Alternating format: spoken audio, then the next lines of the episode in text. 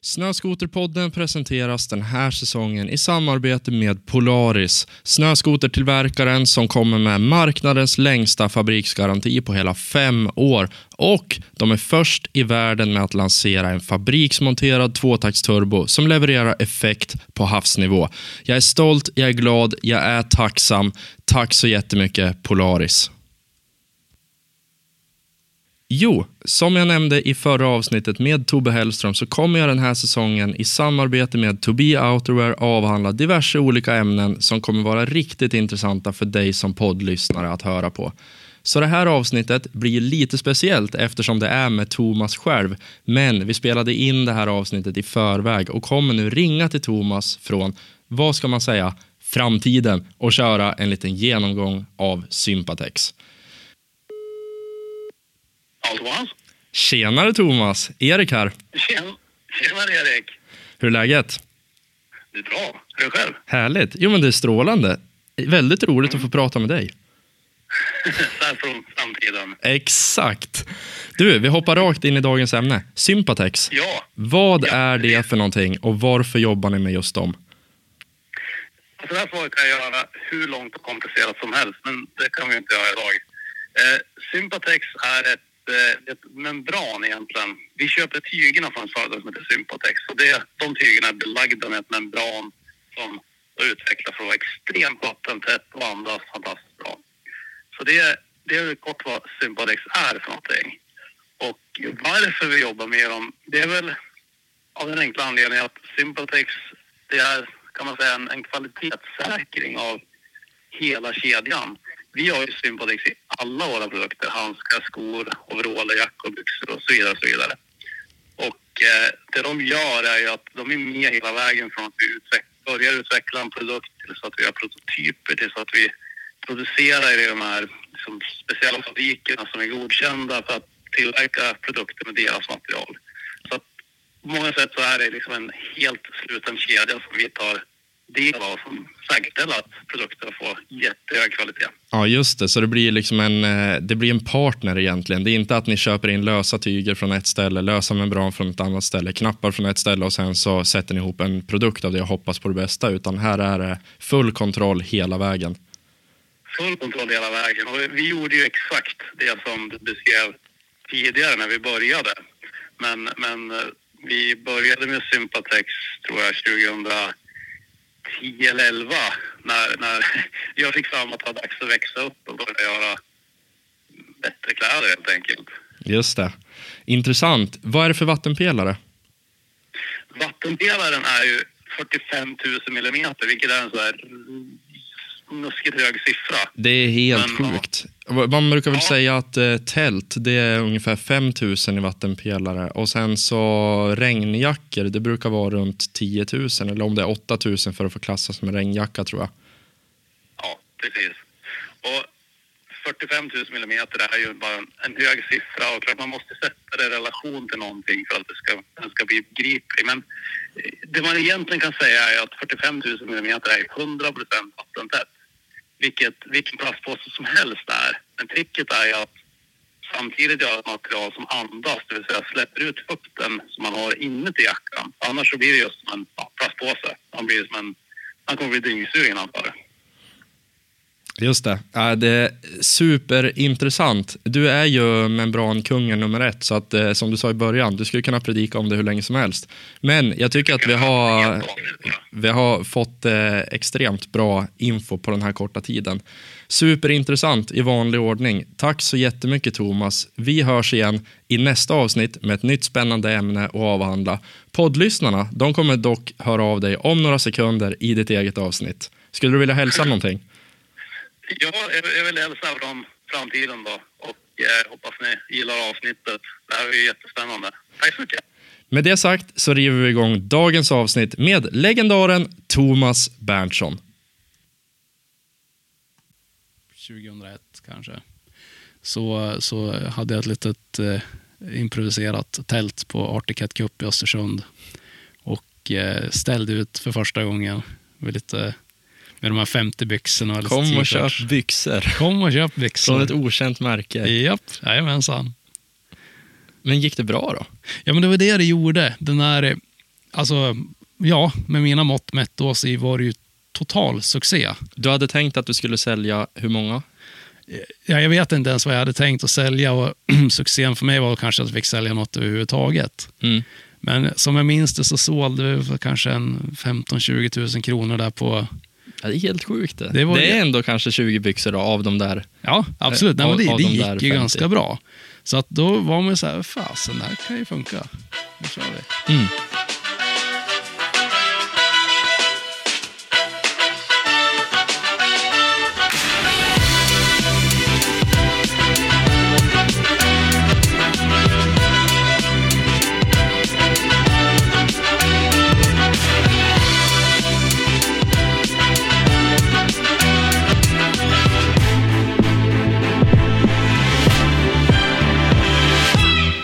Hej allihop och hjärtligt välkomna ska ni vara till ett nytt avsnitt av Snöskoterpodden.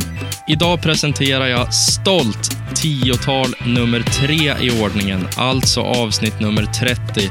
Och det känns faktiskt väldigt högtidligt, måste jag ändå erkänna. Skotens dag 2021 står för dörren. Skoterpeppen är enorm i kroppen och jag har aldrig varit mer laddad för en ny säsong. Dagens gäst är ett namn som jag skrev upp bland de första på inbjudningslistan när jag skulle starta podden år 2019. Så nu, ungefär två och ett halvt år senare, får jag äntligen presentera det välkända namnet Thomas Berntsson i Snöskoterpodden.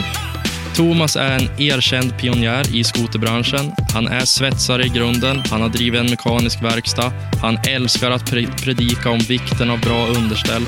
Han har drivit en, en skotertidning och sist men inte minst, Thomas är grundaren av skoterklädmärket To Be som tillverkar premiumprodukter för skoteråkaren och har drivit det i över 20 år.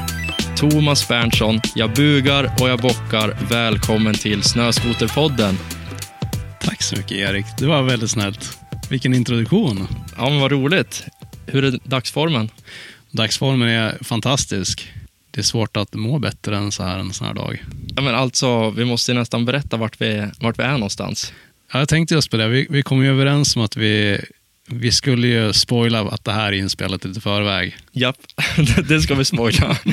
Nej, vi spelar in det här på, på sommaren eh, och det är just nu typ, eh, jag vet inte om det är årets varmaste dag, men en av de varmaste dagarna i alla fall. Är, hur, hur varmt är det? 28 grader tror jag. Jag tror det. Jag tror det är sommarens varmaste dag hittills. Vi vet ju inte där det slutar än. Nej, exakt. Vem vet, det kanske smäller till och blir en riktig brittsommar också och blir tokvarmt i augusti. Men hittills så är det supervarmt. Kan vara sista sommardagen på sommaren också. Ja, vem vet. Nej, men vi sitter i alla fall uppe i Hammerdal, närmare bestämt Fyrås. Vi sitter hemma hos dig. Kan du berä- berätta lite grann om vart du bor? Ja, jag bor ju en, en bit utanför ett ställe som heter Hammerdal. I en by som heter Fyrås. Och Hammerdal ligger ungefär en timmes bilresa norr om Östersund. Så har ni ungefär, ungefärliga koordinater Mot Strömsund. mot Strömsund precis. Så här, det här är ju min, eh, min hemby. Och eh, vi pratade om de snäva cirklarna lite grann tidigare när vi snackade upp oss. Och det är som sagt en liten by och man behöver kanske inte röra sig egentligen så mycket utanför där, kan jag tycka. Nej, men alltså, det, det finns ju allting. Vi pratade om det lite innan här. Bara, Ja, men ni har ju ICA-affär, det finns någon liten bygghandel. Det är liksom, ja, men man, man kan ju leva här, man behöver inte åka in till Östersund. Nej, bensinmack och två pizzerior. Ja, fantastiskt. Med fullständiga rättigheter, Ja. givetvis. Mycket riktigt. Black and white och eh, plankstek och... Eh, Ja, men det är så här, Storstark. trygga svenska klassiker. ja, precis. Nej, men eh, skämt åsido, det är ju alltså, det är superfint här. Det är magiskt. Ja, men idag är ju faktiskt, det visar ju fr- från sin bästa sida. Vi sitter ju sitter här på uts, ut, ut, vad säger man? Ja, vi sitter på uteplatsen, bakom Uteplatsen. ditt hus. Ja, solskenet, mår gott. Ja, och det, det kan vi väl säga också till alla som lyssnar att eh, om det är några flugor som surrar eller någon hund som skäller eller en eh, bil som åker förbi och dunkar med någon baslåda så då är det för att vi sitter utomhus för att det är så jäkla varmt. Men det var väl premiär också? Så är det.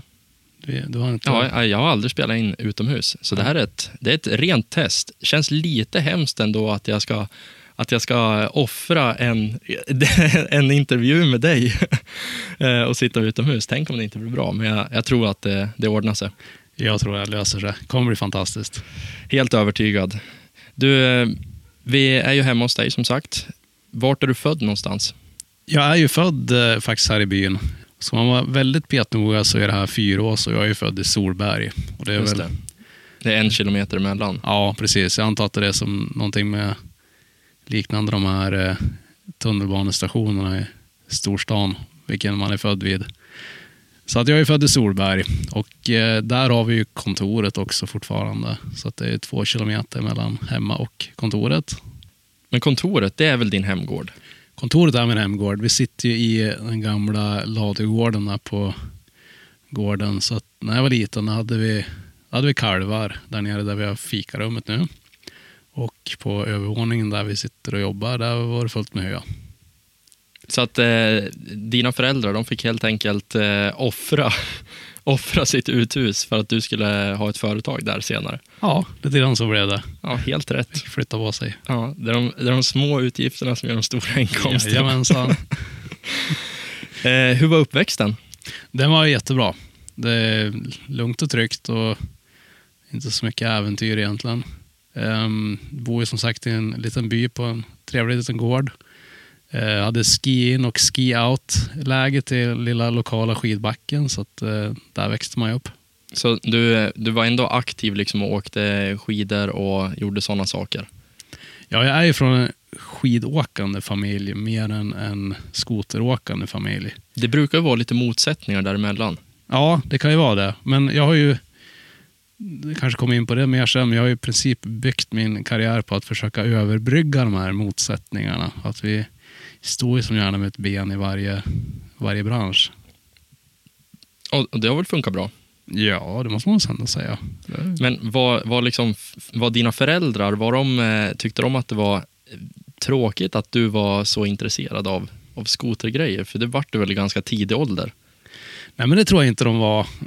De har nog alltid tyckt att det var kul. Och sen i tidig ålder, det var väl så att det var skidåkning tills att man var 13-14 år och skoteråkningen kom ju inte in förrän jag var i 15-årsåldern.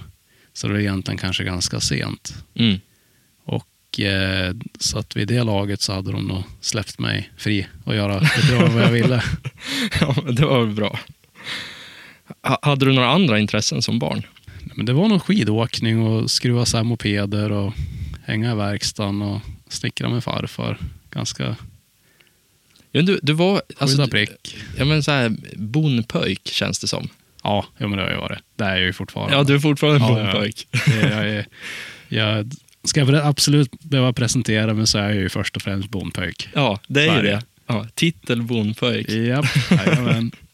Ja, men det är väl det som är det härliga med att växa upp i en sån här, i en sån här by ändå. Att du, du kan springa över till grannen, du lånar någonting, du får hjälp att svetsa någonting. Man, eh, ja, jag vet inte, man har ändå en bra sammanhållning liksom. Ja, jo, men så är det. Och jag gillar ju att bo på sådana här ställen och växa upp där det är, ja, som jag sa, det är lugnt och tryggt. Och, Mm. Ja, men det, det låter ändå som att du har haft en skitbra uppväxt och det finns väl egentligen ingenting att klaga på. Vad gjorde du för skolval sen då när det blev, när det blev eh, dags för sånt?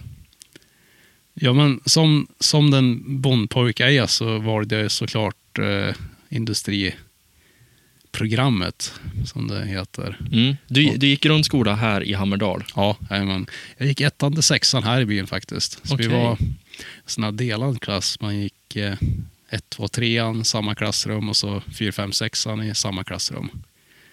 Så att, eh, jag vet inte hur de fick ihop det där riktigt med en lärare, men på något vis så gick det bra. Ja. Så där gick jag i skola. Vi var fyra stycken i min klass. Mm. Det är ordentliga människor. Japp. Därför det går ihop. Ja, precis.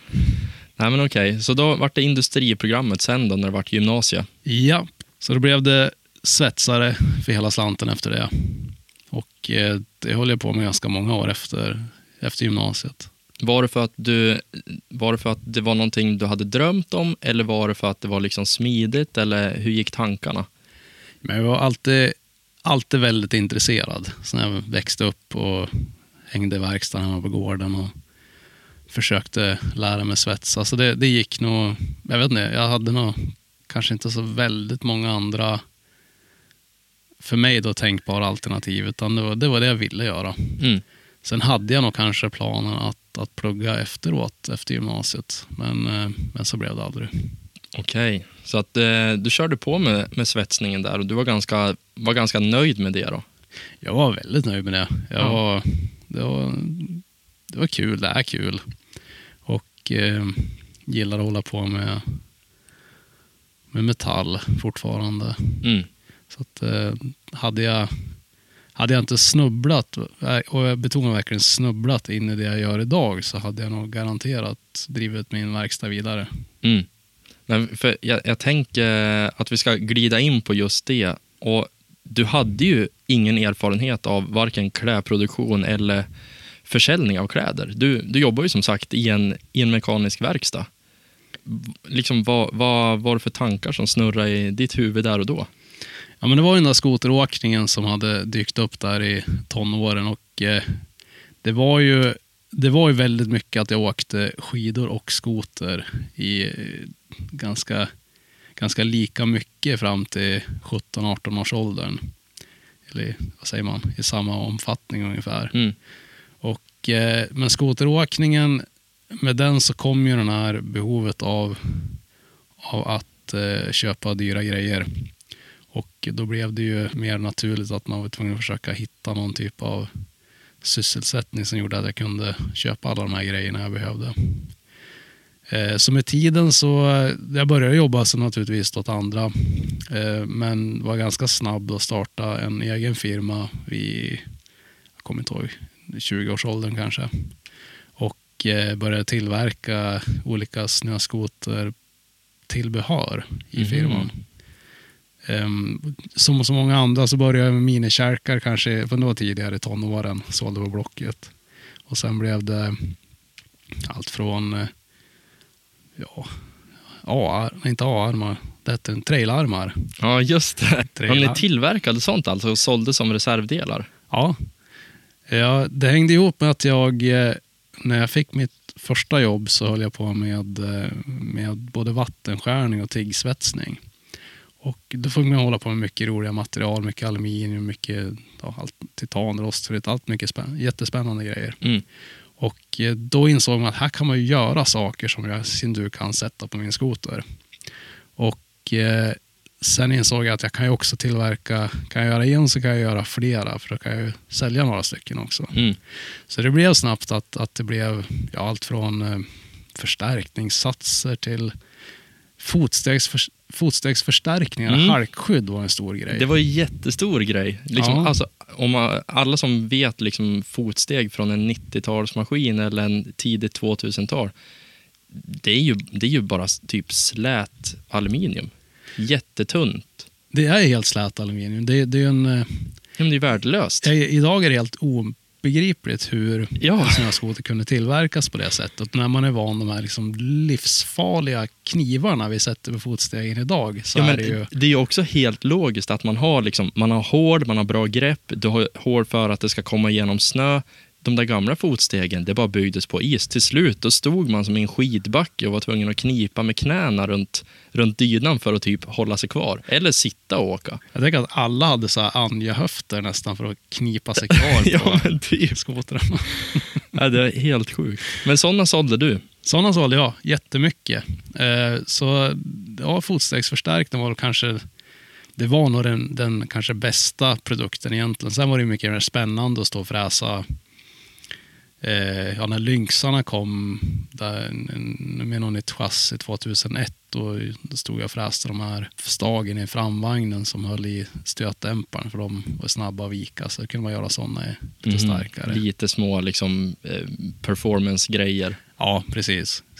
Så det, det var ju sånt som tog tid och kanske kostade mer pengar att göra, men det var mer spännande som sagt.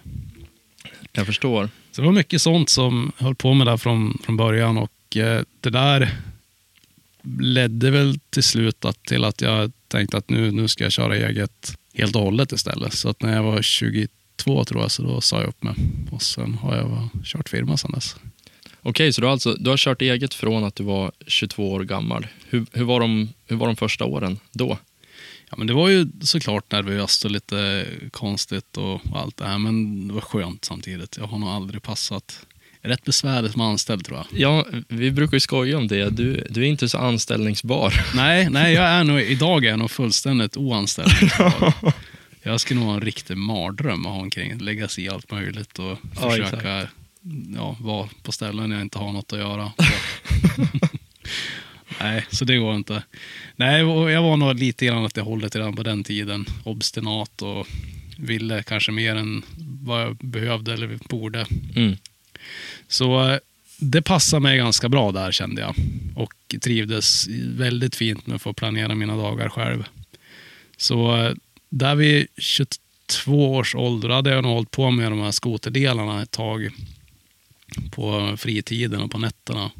Och eh, tillverkade och sålde mycket via Lars-Johan Ed i Järpen. Just den, det. den gamla räven. Och, Det eh, var han som var med och eh, finansierade Oktan också från början. Ja, precis. Det stämmer. Ja, han, han eh, inspirerade mig till mitt första snöskoterköp. En eh, Lynx eh, 38 Rave 91. Coolt. Ja, jag hade sett en bild på honom. Han stod och poserade på en gräsmatta där i Järpen i någon av skotertidningarna och jag såld. Sån skulle jag ha. Ja, det är bra. Så- Dåtidens influencers. Ja, men verkligen. Satte mycket plant för att köpa den här. Ja, coolt. Mm. Men okej, så han, eh, han snappade upp det där då och började sälja lite grann. Eller du sålde lite via honom. Ja, precis. Eh, sen vet jag inte riktigt hur vi kom in på det där, men på den här, det här var ju precis när det började bli populärt att åka runt i jag kommer ihåg de här eh, gamla crossbyxor från, eh, från Shift. Eh, som var fullständigt ovattentäta och jävligt coola. Och idén uppstod på något vis att man skulle kunna göra kanske byx, skoterbyxor då. Som, som skulle liksom ändå vara vattentäta och inte bara se fräna ut. Var det sådana här som gick utanpå stövlarna? Ja, exakt. Precis.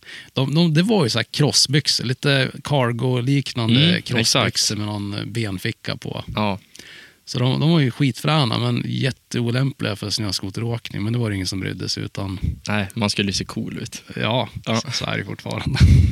Men så det var liksom egentligen det som sådde fröet till eh, allting annat som blev sen. Ja, så kan, eller så kan man säga. Så, så var det väl.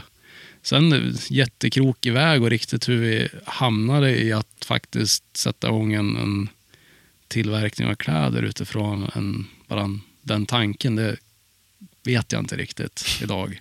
Men, men på något vis så blev jag presenterad, och jag tror att det var Lars Johansson som gjorde det, presenterade mig för en, en, en designer i Åre som hade jobbat med en massa klädmärken tidigare en, en kille som hette John Crawford.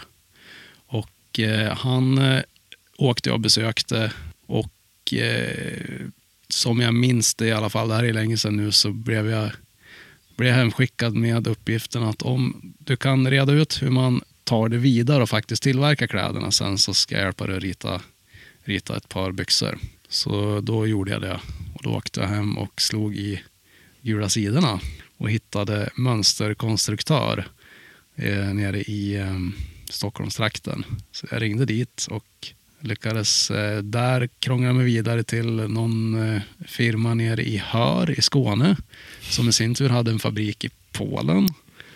Och så där hade jag min lilla, Det är en sjukt bra story. setup. Sjukt bra story. Och det man måste tänka på här också, det är att det här var ändå före eh, Google-tiden, det var före Alibaba, det var före liksom alla de här enkla vägarna till produktionsställen. Du säger liksom, ja, lite förbifarten, jag slog på gula sidorna. Ja, det är en telefonkatalog för de som inte vet det. alltså, det var innan hitta.se fanns. Ja, ja, ja, det är så sjukt länge sedan. Eh, Och det är svårt liksom idag att föreställa sig att det ska vara svårt att hitta, men, men då var det ju det. Det var ju liksom att ringa runt och fråga och kolla om man kände någon som kände någon. Och ja, till slut så hittade man allting då också. Och nu, då kan man liksom tänka sig hur det var det 20 år innan, innan de här 20 åren. Alltså hur var det på den tiden man bara hade fax och eh, är i bästa fall någon sån här engelsk glosboks... Vad heter det? Engelsk ordlista som man... Ja, exakt, som man kommunicerar via. Ja. Nej, så jag menar, när jag väl kom in i det här och försöka jobba internationellt, då var det ju då var det lyxigt redan. Mm. Idag är det ju svinlätt jämfört med... Ja, jämfört med då ja. Ja, verkligen. Nej, jag ska inte säga att det är, men, men delar av det är svårare, var ju svårare och det var svår, långt mycket svårare innan jag började. Men, men så var det. Gula sidorna kom i kontakt med en, en kvinna som visade sig gjorde eh, dansbandskläder till Arvingarna. Det visade sig bli ett, kanske ett, ett av de där många um, ja, sidospåren, eller återvändsgränderna kanske genom åren. Men eh, sedermera så kom vi till rätta med det också. Jag skulle nog ha ryggat tillbaka lite då. Okej, vänta nu. Van att sy dansbandskläder. Okej, det kanske inte är där jag ska lägga mina pengar för att sen producera skoterkläder.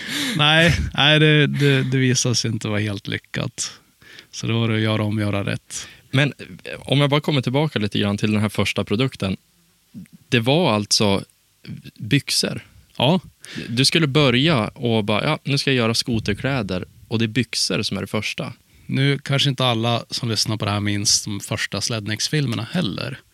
Eller de här Crusty Demons of Dirt första filmerna. Eller den här, bara den här digitala revolutionen i slutet av 90-talet när liksom den här lilla handhållna DV-kameran blev tillgänglig. Det exploderade ju snowboardfilmer, skatefilmer och till slut också motocrossfilmer och till slut snöskoterfilmer. Och det var ju i alla fall för mig då som var eh, liksom 18-20 års åldern då så blev det här absurt eh, viktigt. Och allt som syntes och allt som gjordes i de här fåtal filmerna som producerades blev ju liksom det, det var ju ens enda, det var ju det enda som gällde. Och i, i de här filmerna så, så dök det väl helt enkelt upp då lite olika motocrossmärken som man kunde använda och åka snöskoter i. Och, och, av någon anledning så var det här med byxor jätteviktigt ett tag. Och i just det här skedet så kom jag in i bilden och ja, då gör vi byxor. Och det var starten på hela To Be. Ja, så jag, vi sydde ehm, vi sydde 50, sydde 50 byxor där nere i Polen första gången.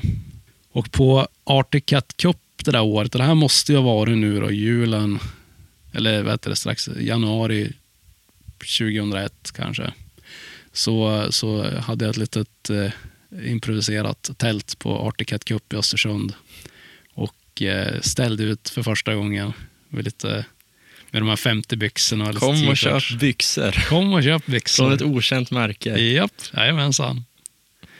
Men gick det bra då? Ja, men det var det det gjorde. Den här, alltså, ja, med mina mått mätt då så var det ju total succé. Du hade tänkt att du skulle sälja hur många?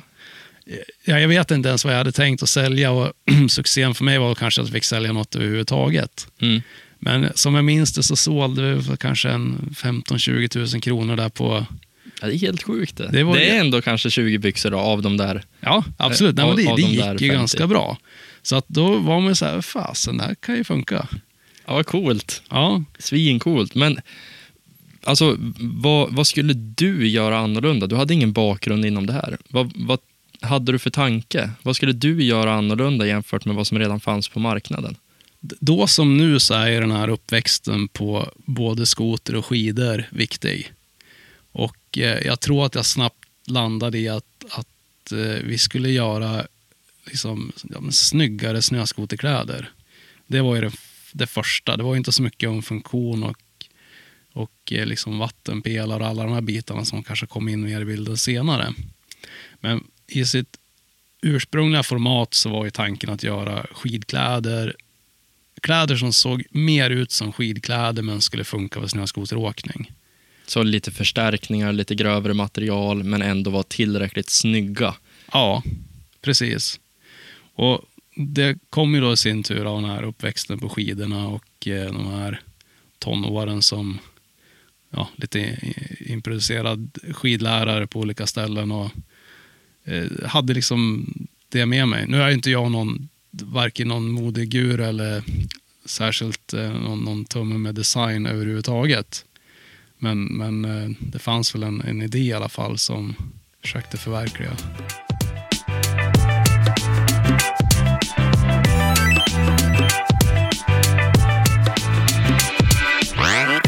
Alltså det, det är en sjukt bra story. Jag, jag har aldrig hört den innan, så det, det är jätteintressant. Men då åkte ni hem från Articat Cup efter den där lilla succén. Ja, summerade försäljningen och in, jag insåg att det här Räkna alla tusenlappar. räknade tusenlapparna insåg att det här är en guldgruva. Ja, nej, jag vet inte om jag gjorde den ekonomiska kalkylen riktigt klar den gången, men det ledde i alla fall till att eh, en byxa blev två byxor och en jacka. Och eh, nu var det, gällde det att vara snabb, så vi var ju klara med prototyperna på de kläderna redan några månader senare när det var dags för snöskotermässa i Östersund. Så att när jag, när jag berättar storyn om hur vi startade To Be så är det en, oftast där i maj, eh, maj 2000 som vi, och snöskotermässan som, vi, som, som storyn tar sin början. Mhm. Eh, med, de här, med den här jackan och de här två byxorna i en, i en container med eh, och, och eh, alltså ut, alltså en container man fäller ut. Stora högtalare och eh, Ja, ja, ja. skyltdockor av armeringsjärn och mycket Men då hade ni ändå liksom, vad ska man säga, kompletta produkter. Det var inte bara en udda byxa, utan då kunde man liksom matcha och få ett set. Då kunde man matcha. Det fanns lite färgalternativ och ja, lite, lite mera kanske teknik och tanke i kläderna. Mm. Hur löste du finansieringen då? Men det var det som var så bra när man hade, jag hade min verkstad.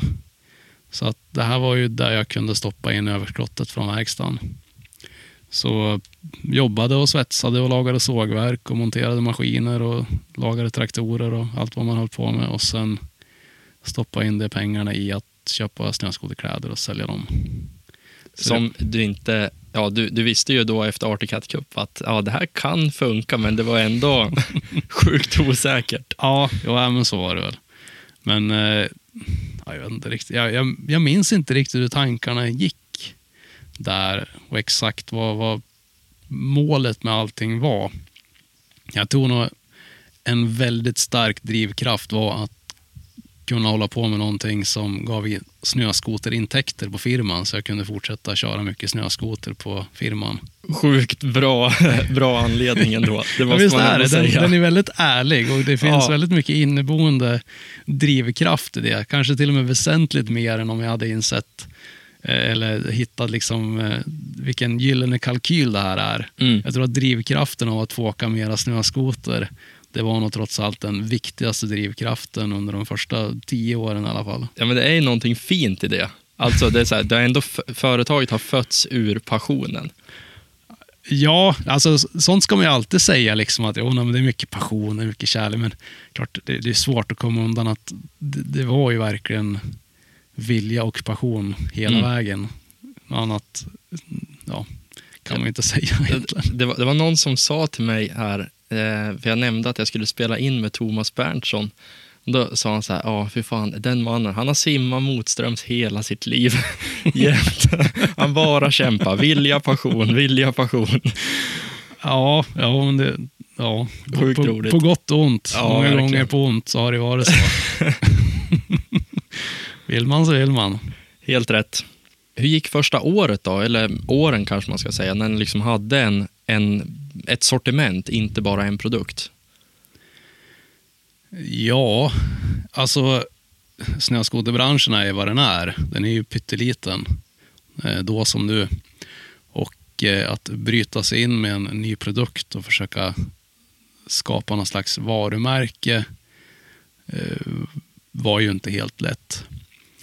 Eh, marknadsföring var väl naturligtvis viktigt, plus att det var kul. Man kunde åka runt på allt från eh, snöskot, crosstävlingar till eh, freestyle-shower som började bli populära där i, under den här perioden. Väldigt hett. Väldigt hett. Och eh, stå och vifta med flaggor och dela ut klistermärken och sälja kepsar och kränga t-shirts och arrangera efterfester och, och allt sånt. Så det gjorde vi, ofta och gärna. Nästan varje helg och sen däremellan åka så mycket snöskoter man bara kunde. Mm. Och försäljningen, den liksom, den eh, kom ändå. Det, det gick liksom, det höll sig flytande. Ja, men prova lite olika modeller för det där såklart. Um, landade rätt snabbt att ja, sälja direkt till alla återförsäljare och hade, hade en, en frilanssäljare till hjälp med det. Det tog ganska många år innan jag kände mig bekväm att, att ställa mig inför en kund och prata om produkterna. Eh, förvånansvärt många år. Utan förlita mig väldigt länge på andra skulle sälja åt mig. På gott och ont. Mm. Eh, det gav mig tid att hålla på med produkter och marknadsföring och försöka lära mig den delen. Men det gjorde också att man kanske saknade en del av insikterna i, som man får genom att stå framför en kund och vara ute mycket och liksom verkligen se vad är det kunden frågar efter. Och den här fingertoppskänslan för ja, allt från priser till kvalitet till funktioner. Så det tog rätt många år innan jag gjorde det. Tog det steget. Jag tror jag var nog ganska, jag var nog rätt, ganska rädd egentligen att behöva höra hela tiden det här negativa som man kan också få höra när man är ute och rör på sig. Ja, det kan ju ofta kunder. vara att eh, en kund kanske säger ja, men ja, jag tycker om produkten, men ja, det här blixtlåset skulle ha gjort annorlunda eller den här skärningen skulle ha varit lite si och så. Varför har ni inte fler fickor? Ja, och där, det blir ju ett problem då man har rätt mycket investerat i form av passion och eh, kärlek i någonting. Då, då tar man ju det, i alla fall i mitt fall, väldigt personligt. Mm. Eh, idag tar jag det inte personligt, men då var det väldigt personligt. Jag kunde ju... Ja, men du hade ju så få produkter också. Ja, jag står man liksom och... Blotta hela dig själv liksom med tre produkter i sortimentet. Bara snälla, köp dem. Jag vet, jag har stått och svetsat ihop, skrapat ihop lite pengar och så investerat det här i kläder och så ska det stå någon jäkel och ha åsikter. Ja, du vet. Ja, jag förstår. Det blixtrar ju bara framför ögonen på en. Ja. Äh, så det var kanske lika bra att jag inte var ute och sålde så mycket själv från början. Men nu har ni hållit på i över 20 år. Har det varit en dans på rosor skulle du säga? Har det alltid varit liksom glädje och fröjd i det här? Eller eh, ja. hur ser det ut? Glädje och fröjd. Jo, men det har det väl varit på sitt sätt. Eh, det har alltid varit kul, alltid varit spännande och framförallt alltid varit utmanande. Det har varit en, en enormt bra skola, tror jag. Eller tror, det är det ju. Jag har ju, som den bondgrabb jag är med min svetsarutbildning i ryggen, så har jag ju på 20 år fått gjort saker som inte var meningen att jag skulle få göra. Mm. Eh, och och eh, träffat människor och rest och jobbat med eh, framförallt jobbat med saker som, som eh, ibland långt utanför min förmåga och nivå, men sånt som ändå måste göras och sånt lär man sig av. Sen är ju den här, det är ju en krokig väg. Det finns ju, jag tror inte det är någon som har en spikrak väg genom livet och allting bara ramlar på. Och på 20 år så händer det det händer väldigt mycket saker. Både, både positiva och negativa saker. Sen leder det oftast till någonting, någonting nytt och oftast någonting bättre. Det var en bra sammanfattning. ja, visst var det? Ja, men, ja, men det, det är ju verkligen så. Alltså, även om det kan kännas dåligt i stunden när det händer vissa saker så kommer det ofta någonting bra utav det. Alltså, det är ju ofta så. Man får försöka zooma ut lite grann ibland och se på det som har varit och se på vart man ska och så kan man den här krokiga vägen man är på just nu, den ser lite rakare ut när man är på hög höjd och tittar ner. Mm. Så får man försöka föreställa sig vart, vart man är på väg istället. Ja men verkligen. Vad, vad, liksom var, vad var de största utmaningarna då, eller lärdomarna? Det, det är ju det här jag, jag kan, så jag kan inte säga, jag kan inte uttala mig om andra branscher eller andra företag. Men mitt, mitt verkstadsföretag var ju mycket lättare att driva. Det här företaget och den här verksamheten, det är ju så många aspekter på det. Och eh, det är svårt att, att hinna vara duktig på allting. Och när man startar någonting så, så måste man ju, och speciellt när det är en konsumentprodukt som ska tillverkas och fraktas och distribueras och säljas och marknadsföras och tas om hand om på en eftermarknad. Alltså det blir väldigt, väldigt många ställen där det kan bli både bra och dåligt. Och att, att lära sig alla de här bitarna var för sig är ju nästan en livsuppgift. Och att göra allting då samtidigt gör ju att det, det blir många saker som, som eh, ja, man, man, det får bara funka på något vis. Och, och då, sen uppe på det så har du alla aspekter av att driva ett företag med administration, ekonomi, eh, lära sig grunderna i företagandet. Och klart, i den bästa av världar så skulle man ju lära sig allt det först och inte lära sig av misstagen. Nej, exakt. Det har blivit några nitlotter alltså. Ja, men det är klart att det blir. Man drar ju nitlott varje dag och går på minor till höger och vänster. Och det är klart, det, det får man nog räkna med. Eh, sen, sen är det liksom mycket av det här kan man säkert undvika och har man då en verksamhet som är lättare att överblicka. Om man är, säg att man, man representerar ett varumärke eller är en, bara en, man har tagit hand om en del i den här processen. Då kan man fokusera och bli mycket duktigare på att göra bara den delen. Eh, i, I det här fallet, och det är säkert sant i många andra företag också, så, så är det som sagt så mycket som, som ska funka på en gång. Och, och, Det kommer det aldrig att göra. Det kommer alltid vara saker som, som går snett längs vägen.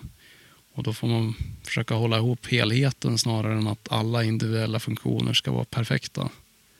Och det är väl, Så känns väl som, så kommer det säkert vara hela karriären i någon, i någon form, men de första, första åren i synnerhet. Mm. Ja, men man, man måste ju också våga göra fel för att det ska bli någonting rätt. Och har man inte, har man inte gjort någonting, då har man inte heller gjort något fel. Eh, och lite grann med det mindsetet så måste man väl också ta sig an eh, vissa saker och inse att okej, okay, ja, jag kommer göra jättemycket fel, men det är en del av resan i att göra någonting rätt. Bättre lyst till den sträng som brast än att aldrig spänna en båge. Ja, exakt. Där har vi ännu mer. ja, och det här är ju en, en pågående resa hela tiden och det är väl liksom företagande. Det är upp och ner hela tiden, utmaningar varje dag. Men eh, om vi byter ämne lite grann, vi går in lite djupare på själva produkterna. Och Jag vet inte om folk är medvetna om det, men ni var ju faktiskt de som återupplivade skoteroverallen och gjorde det, gjorde det hett med overall igen, får man väl ändå säga. Alltså, ni startade ju trenden som sen blev eh, overallens återkomst. Det skulle kunna vara en filmtitel för övrigt. Eh, kände du att det var rätt att satsa på overaller när alla var spyless på dem efter 80-90-talet? Ja, det går väl i linje med alla andra logiska beslut man har tagit kanske. Simma motvind. ja, verkligen. Motströms. Det är bara döda fiskar som flyter med strömmen. Ja, exakt. Nej, men hur, hur gick tankarna då? Ja, Eh, jag ska vara ärlig med att den, den första overallen var ju alltid retar i någon. Lite grann den tanken bakom det. Och eh, det är klart som fasen vi ska göra en overall när, som, som en eh, marknadsföringsgrej om inte annat. Som, som sagt kan reta någon i alla fall. Eh, nej men man kan väl, om man skulle backa lite och plocka upp tråden igen från liksom de här, vad ska jag beskriva det som, tonårsåren där vi hängde runt och spelade in, eller, ja, spelade in filmer och eh, reste och fotade för tidningar och eh, marknadsförde och arrangerade efterfester och gjorde allt det där roliga delen så, så blev det ett, något av ett uppvaknande där i, i slutet av, av säger man 00-talet. Så sen är det 10-talet efter det. I slutet av 00-talet så förändrades snöskoteråkningen lite grann.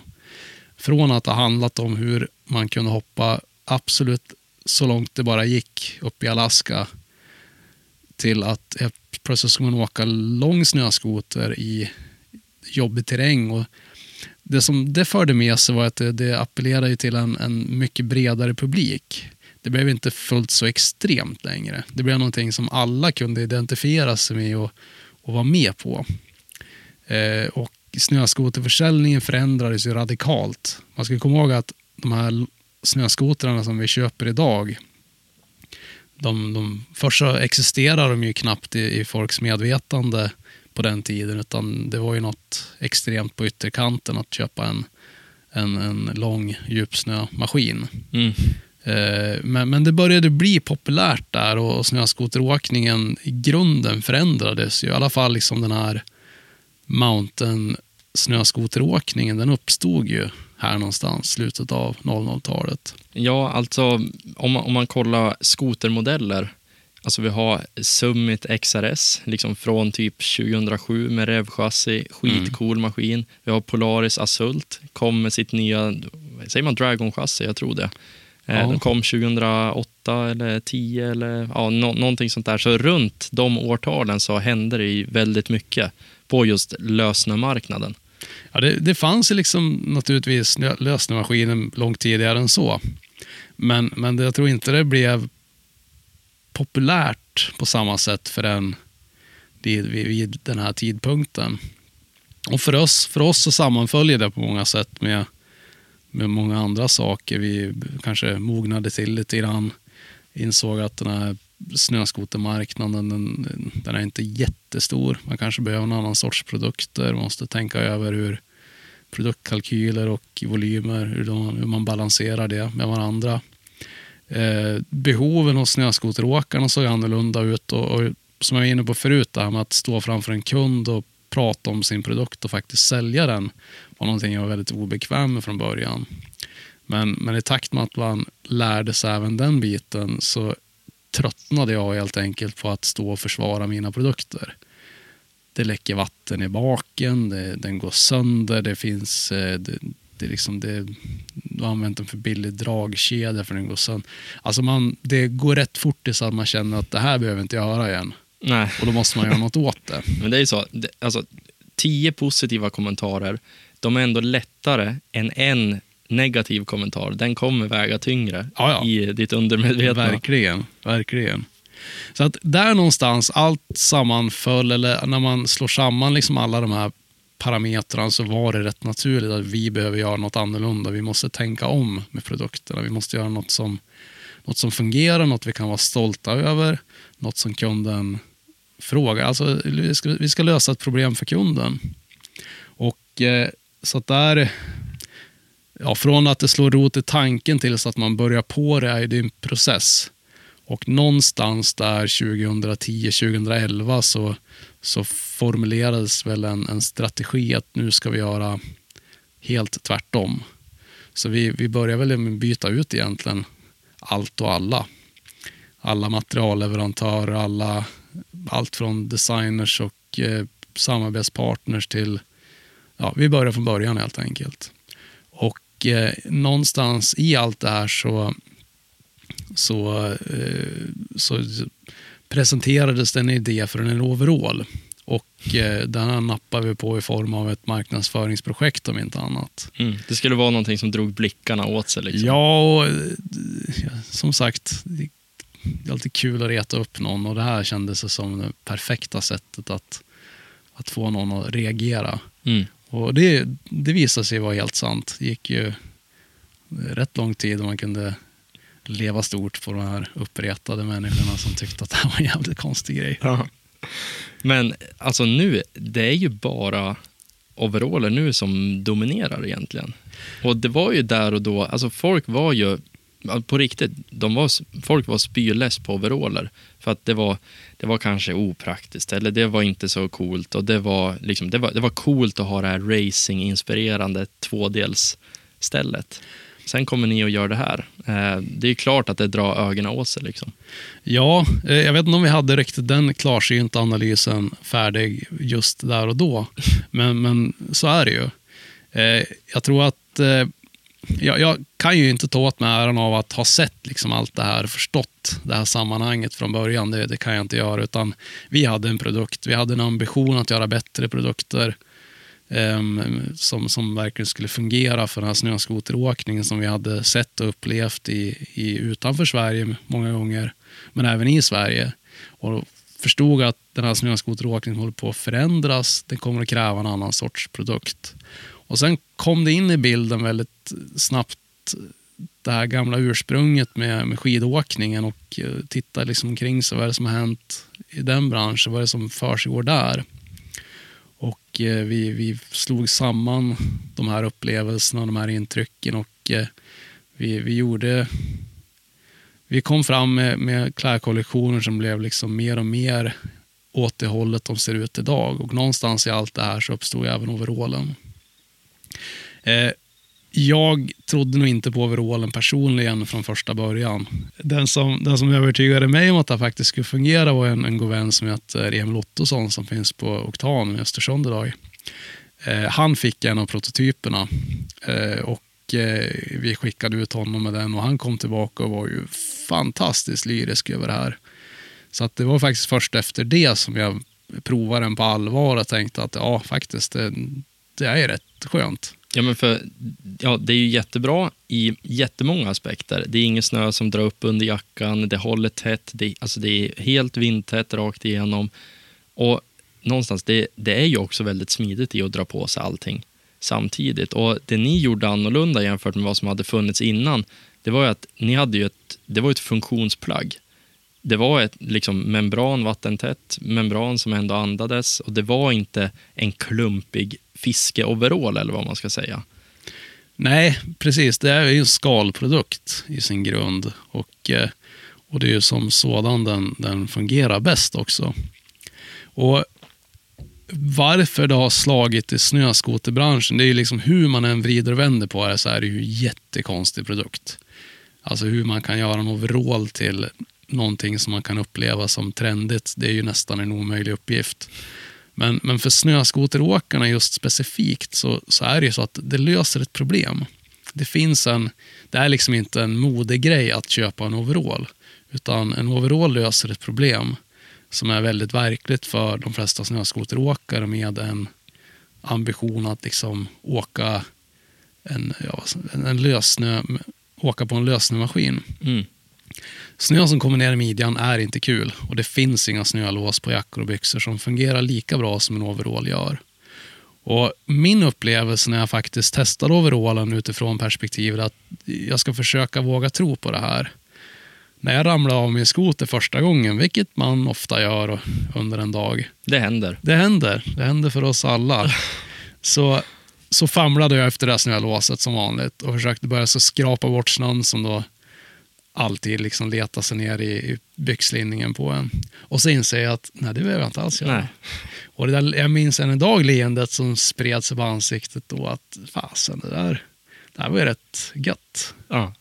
Och det, jag säger alltid så här, liksom att, eh, eller jag har upprepat mig tusentals gånger, att det är det här leendet som man ser på kunden eller på den som använder en overall första gången. Just det, samma rörelse, famlar efter snölåset och sen den här uppenbarelsen av att nej just det, det behöver jag inte göra.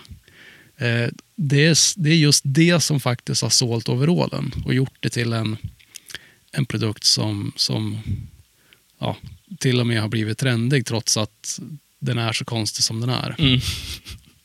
Så den fyller ett behov på ett helt annat sätt än den fyller ett behov för en skidåkare. När man liksom som sportlovsfirare kommer upp för en vecka med afterski i Åre så, så är det inte ett verkligt problem på Nej. samma sätt. Man kommer ju inte att ramla. Nej, och om man ramlar, ja då är det otur och då kan du ändå acceptera att det Ja. finns lite snö under jackan. Eh, Att, att, precis, att ramla av i lössnön är inte, liksom inte en naturlig del av upplevelsen och det händer inte 20 gånger per dag som det gör för en snöskoteråkare. Nej, exakt. Så att, eh, nej, det, grunden är helt och hållet att det löser ett problem.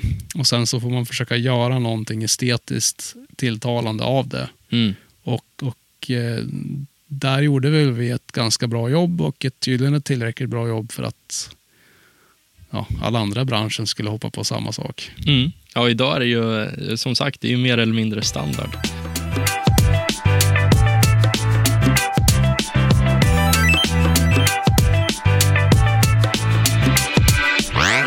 Eh, ni gjorde ju ett eh, rejält skifte vad gäller design.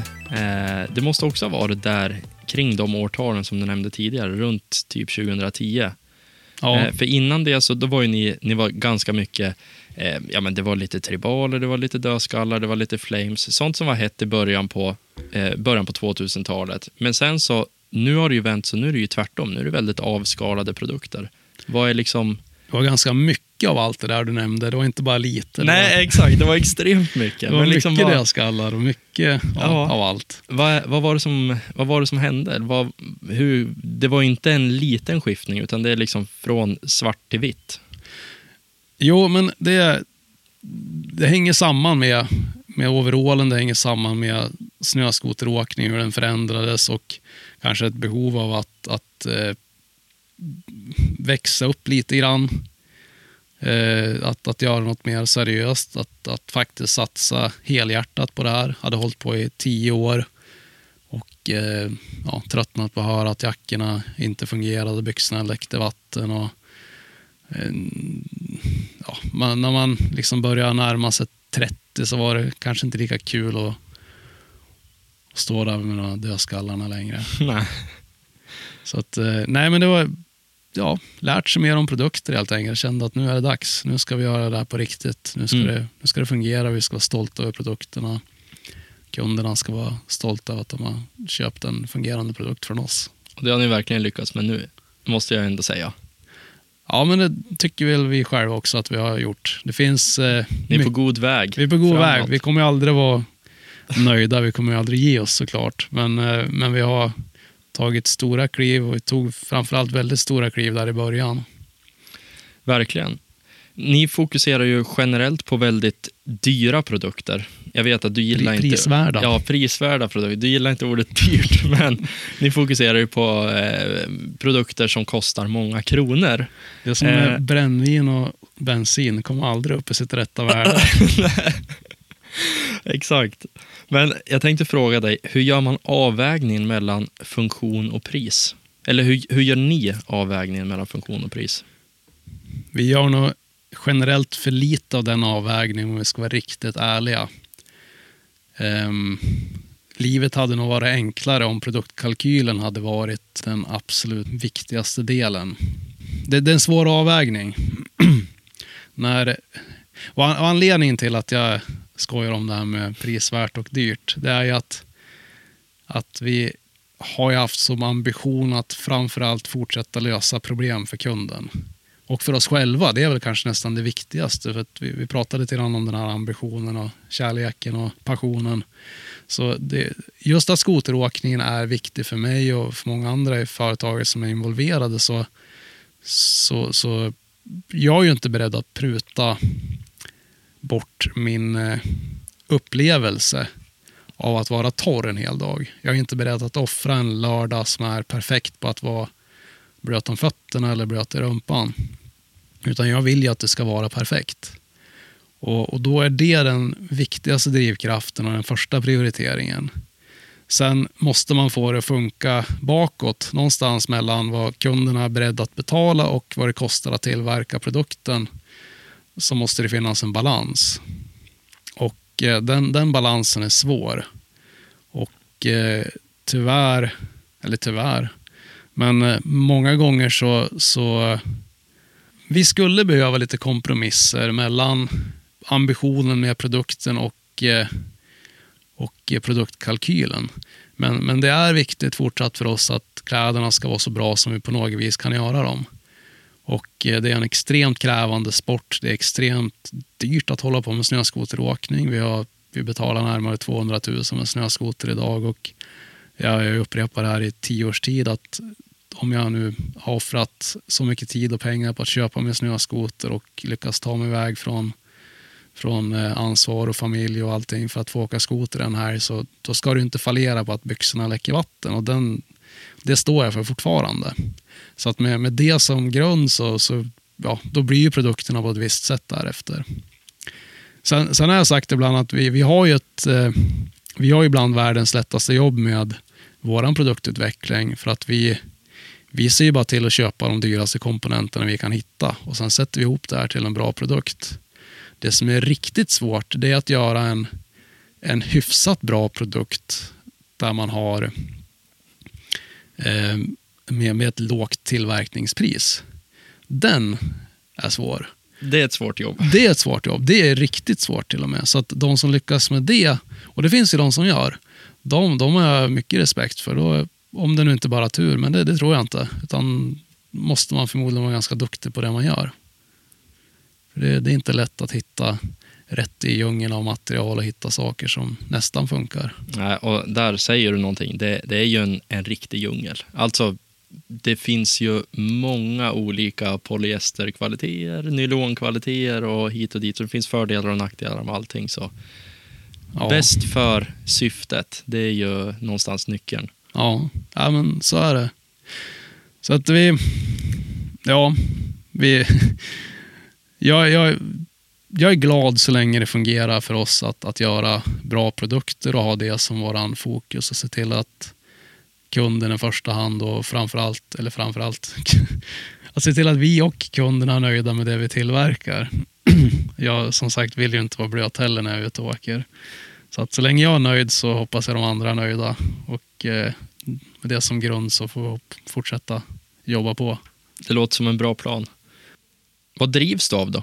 Ja, den är svår. Det är olika saker.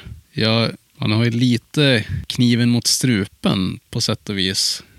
Ur, ur, ur eh, perspektivet att eh, visst tycker jag det är kul att, att svetsa och jobba med kroppen. Och, eh, mm, men jag kanske inte skulle vilja hålla på med det professionellt igen. Jag trivs ju ganska bra med att få resa till Hongkong ibland och, och sitta på bankmöten och göra kalkyler och eh, jobba med det jag jobbar. Designa lite kläder Ja. och tycka till och peka med hela armen. Och... Ja, precis. Jag trivs ju ganska bra med det. Mm. Och eh, har jag inte det här så, ja, jag är ju verkstadsråtta i grunden. Så då är det ju bara att gå tillbaka till det om jag skulle misslyckas med det här. Mm. Så att den kniven mot strupen är väl en drivkraft i sig kanske. Nej, riktigt så illa är det väl kanske inte. Men, men någonstans lite, lite den känslan finns kvar faktiskt. Du känner ändå att det, det är ditt ansvar att det här...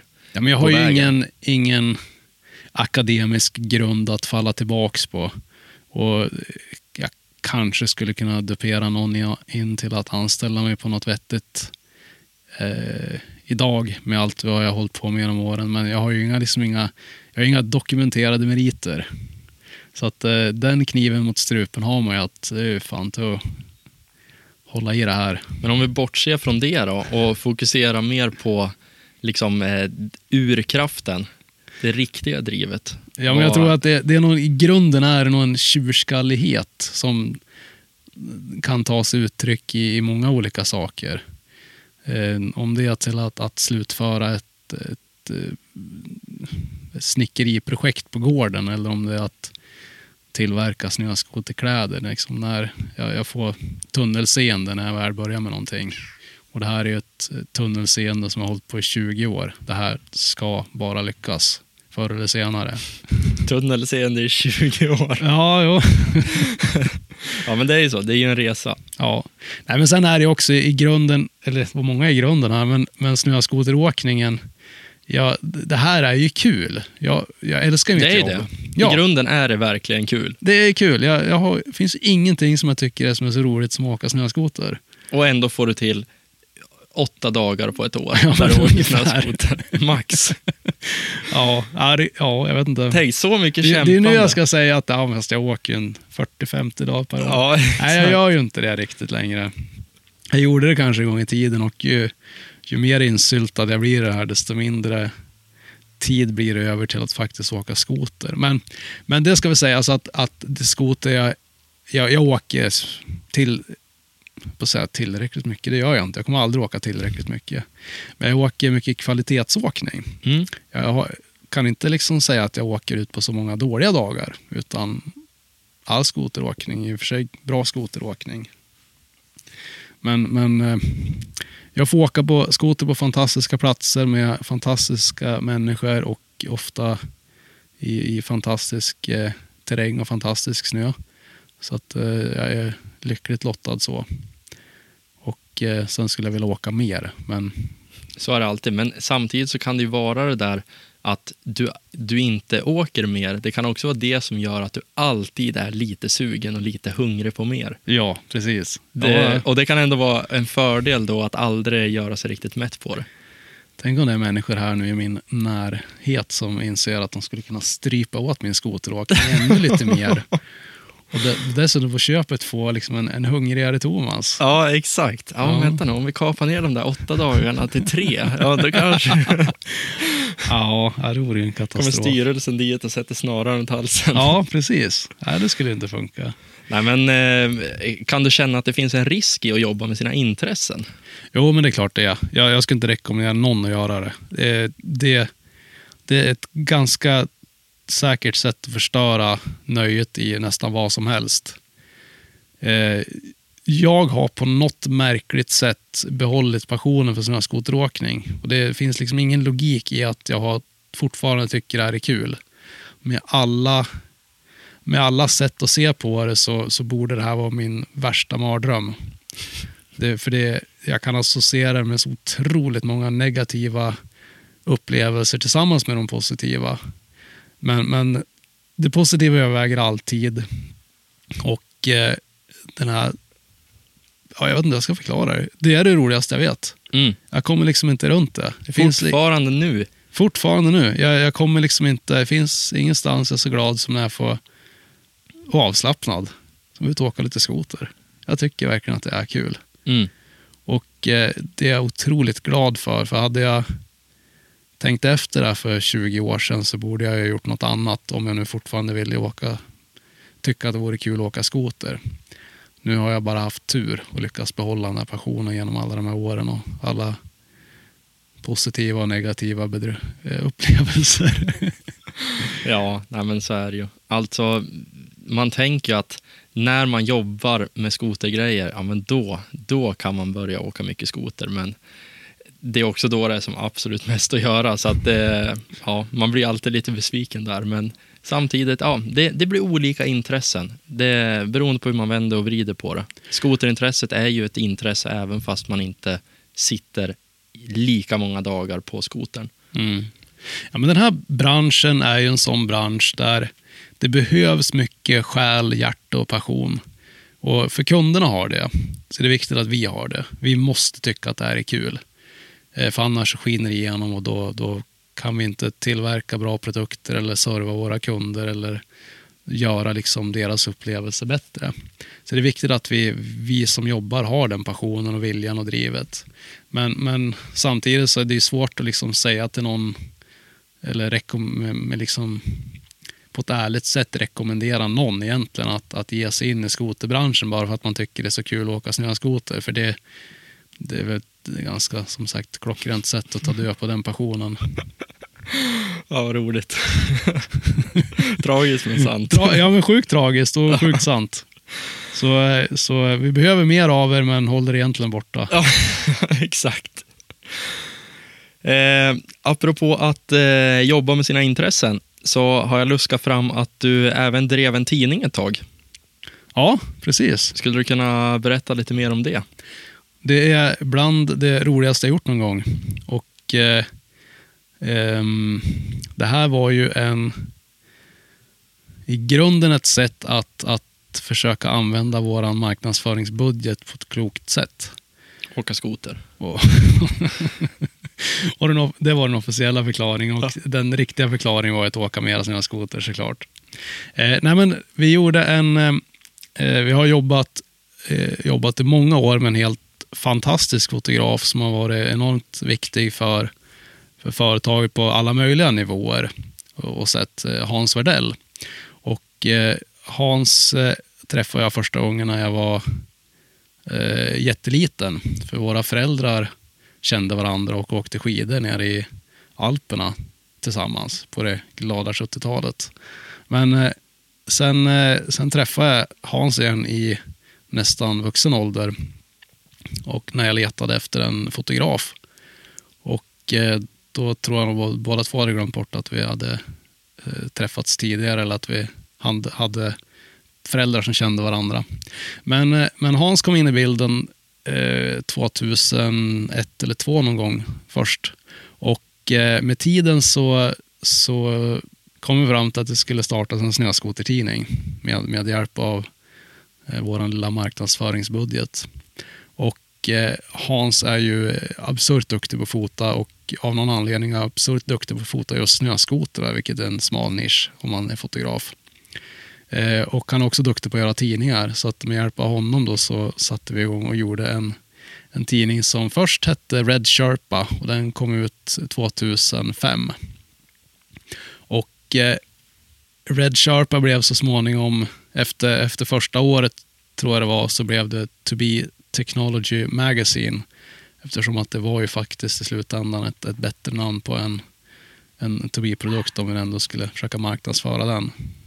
Vi, vi, reste mycket för att fota de här. Vi var i, i Kanada, i USA, vid olika platser runt om i Sverige, och Skandinavien och Europa. Och träffar mycket människor och, och liksom inser ju att det, det vi säljer i mån, någon mån är ju det är en dröm och en upplevelse mycket. det är liksom inte, för oss är inte fokusen på att eh, besegra en bergstopp och liksom köra över polarna för att ta sig först upp. Utan det, det började ju någonstans där om att, att visa upp den här fantastiska miljön som vi befinner oss i som snöskoteråkare.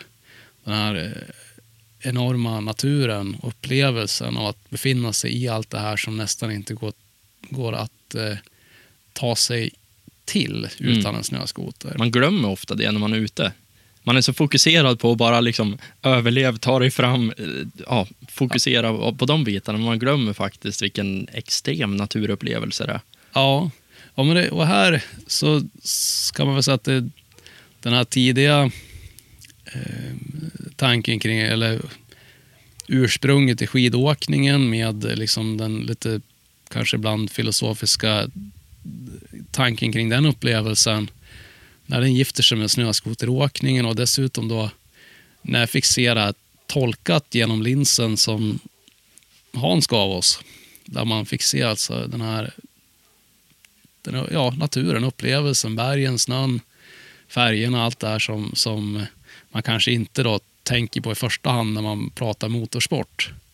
Så, så blev det, det blev snabbt en, en del av, av vårt, eh, vårt DNA. Liksom. Det, är en del av varumärket, en del av det vi bygger in i, i allting vi gör idag.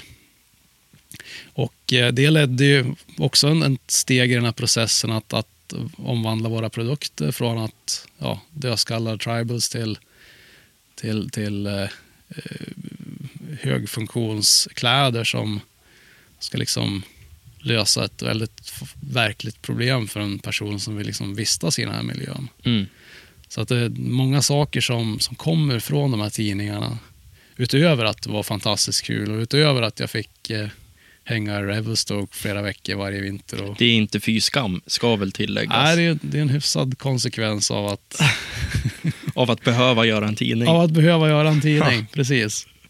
Så att, eh, nej då, det, men det var väl ja, det var viktigt helt enkelt. Och det har inneburit mycket för, för oss, för varumärket och för filosofin som, som liksom ligger till grund för ja, allting vi har idag.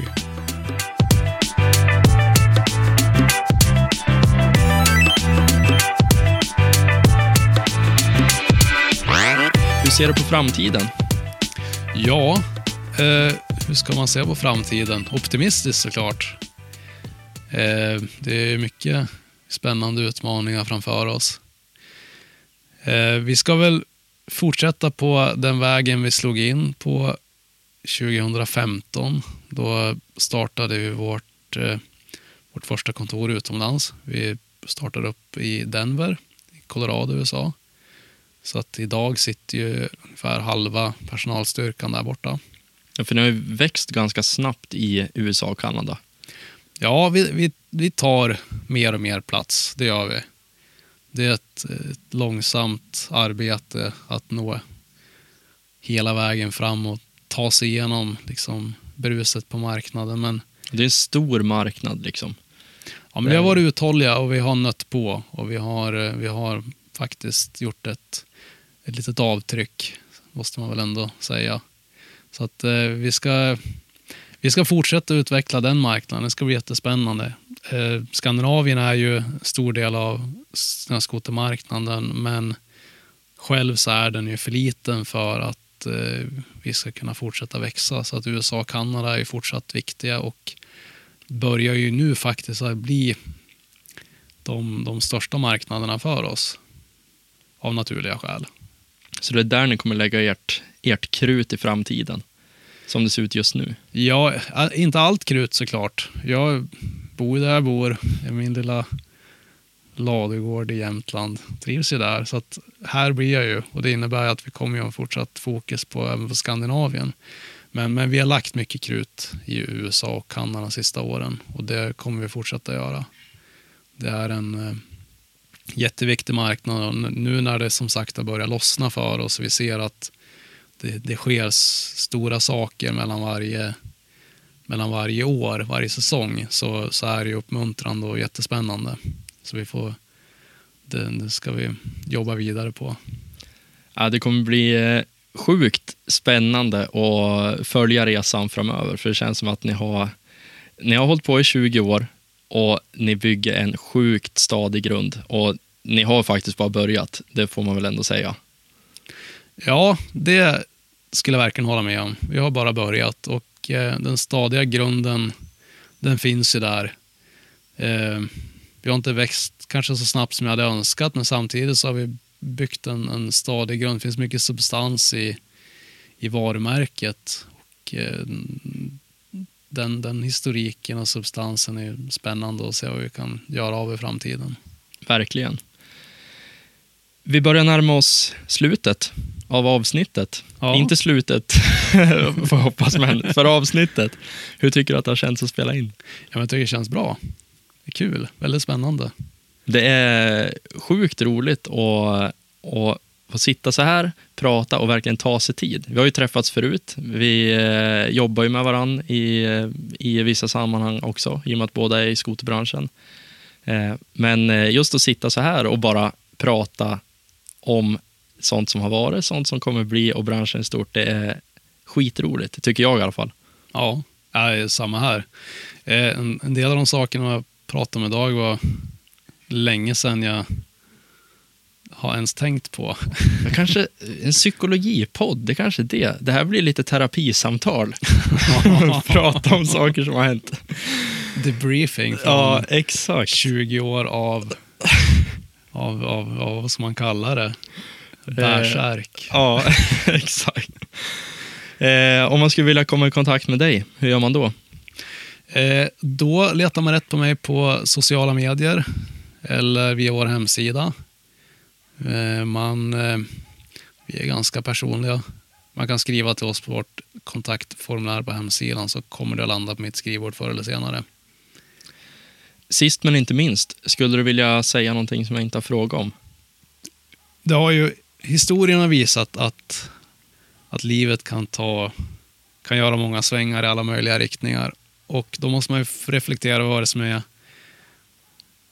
för att man ska kunna driva ett företag, vad det är som är viktigt. Och jag tror att svaret på det är att man måste syssla med någonting. Det måste finnas en passion, en genuin, äkta vilja och glädje i det man gör. Och eh, vad vi nu än gör i framtiden och hur vi än utvecklas så är det det som ska vara centralt och det som ska finnas kvar, det är den där passionen, glöden. Och den är här idag, så jag ska se till att den är där imorgon. Shit, vad roligt det har varit att spela in och vilka grymma slutord. Tack så jättemycket för att du ville gästa Snöskoterpodden. Tack så mycket för att jag fick komma. Och stort tack även till dig som har lyssnat. Glöm inte följa Snöskoterpodden på Instagram. Skicka gärna ett DM, skriv vad du tyckte om avsnittet. Tack så länge. Vi hörs igen i nästa avsnitt.